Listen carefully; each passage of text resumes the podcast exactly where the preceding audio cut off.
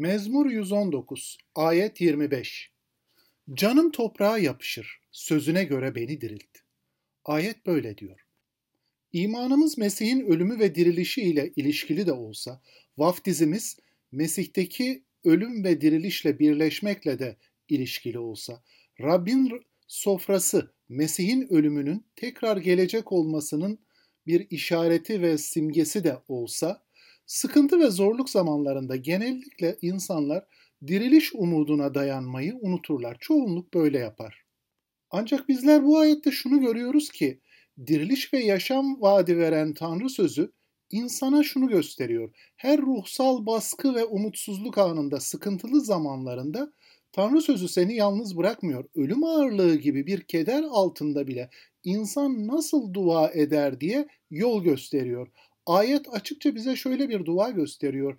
Rab canım ölüm toprağına serildi bile.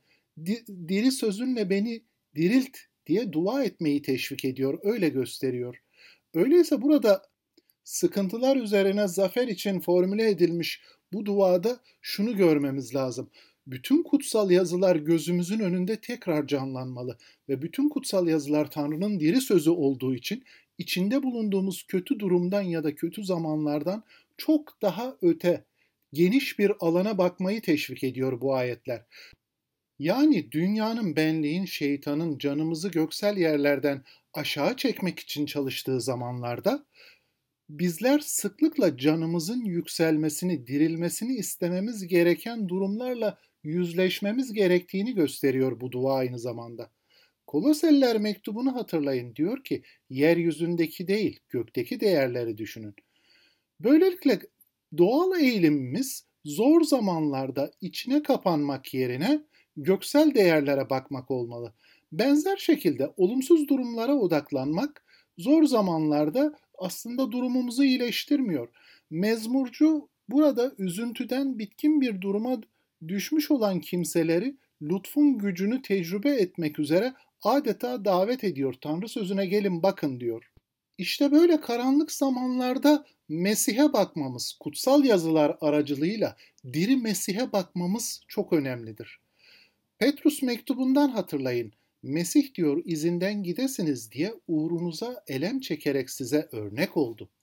Böylelikle Mesih en derin acılarında nasıl Tanrı sözüne odaklandıysa bu ayette okuyucuları bütün sıkıntılarında Mesih'in izlediği yolu izlemeye davet ediyor ve güçlü bir teşvik vaat ediyor. Mesih'e baktığımızda acılar kadar dirilmiş ve göklere yükselmiş bir görkem ve zafer de görüyoruz. Böylelikle sadece düşmüş bir bedenden değil, düşmüş bir yerden de özgür kılınmak istediğimizde canımızı bu dua ile Rabbe teslim edebiliriz. Canın diri yaşam ile yenilenmesi dileğini içeren bu duayı her zaman aklımızdan geçirmek bile bizlere güçlü bir teşvik olacaktır. 119. mezmura başlarken ilk okuduğumuz iki ayeti hatırlayın. Onlar bir bereket sözüyle başlıyordu. İşte böyle bir farkındalık ile kutsal yazılara bakarsak o zaman bileceğiz ki sadece iyi zamanlarda övgümüz değil, zor zamanlarda gücümüz ve teşviğimiz olsun diye kutsal yazılar bize verildi. Öyleyse biz de bütün sıkıntılı ve yaslı olanlara bu duayı gösterelim. Toza toprağa serildim, sözün uyarınca yaşam ver bana, Ya Rab diyerekten herkese dirilmiş Mesih'teki zaferle bereket olmaya çalışalım. Size bereket olsun.